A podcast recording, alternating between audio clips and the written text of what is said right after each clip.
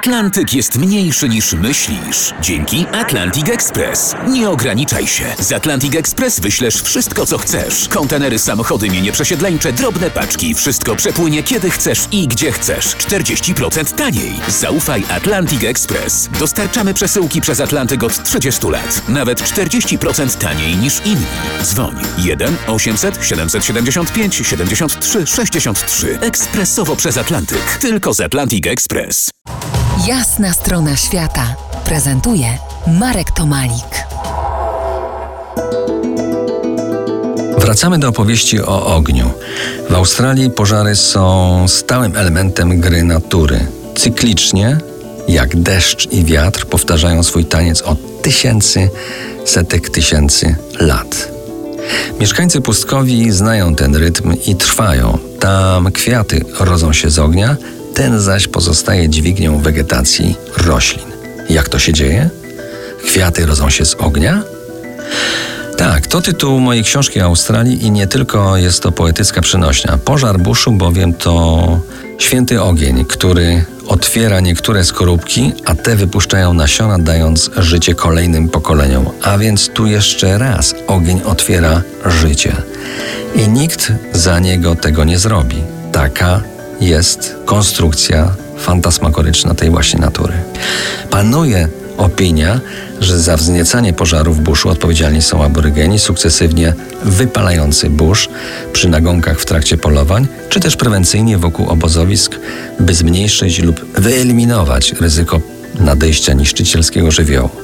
Otóż Najnowsze dyskusje zdają się temu przeczyć. Poszukiwaniu węgla drzewnego dokumentującego zasięg pożarów w przyszłości zbadano wiele stanowisk y, w niemal całej Australii.